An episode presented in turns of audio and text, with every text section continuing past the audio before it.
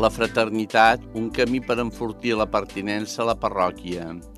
A les nostres parròquies i comunitats cal valorar cada cop més el sentit de la fraternitat.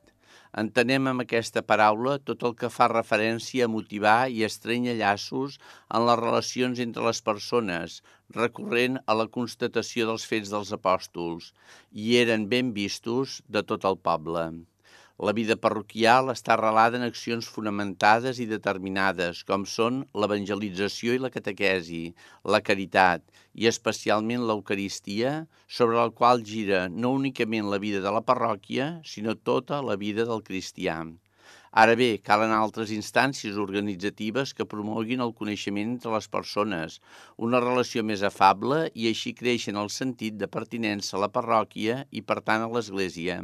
I també com a visualització cap als qui prenen part esporàdicament de l'acció de l'Església, especialment de la catequesi i de la celebració.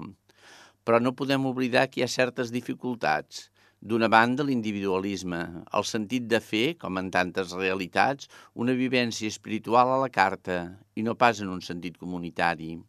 Una altra dificultat és el desconeixement i l'anonimat que es dona a les ciutats, o bé els prejudicis en els pobles i ciutats, i encara la manca d'il·lusió perquè el cansament, el ritme estressant de la pròpia vida, així com el soroll mediàtic, no ajuden a la trobada gratuïta i també la descreença i el relativisme en un entorn a cops hostil.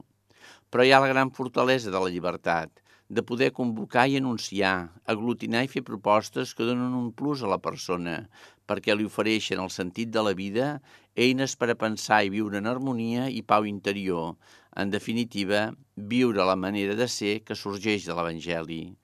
Per tot això hi ha la proposta d'aquestes prioritats – la primera, la parròquia porta oberta.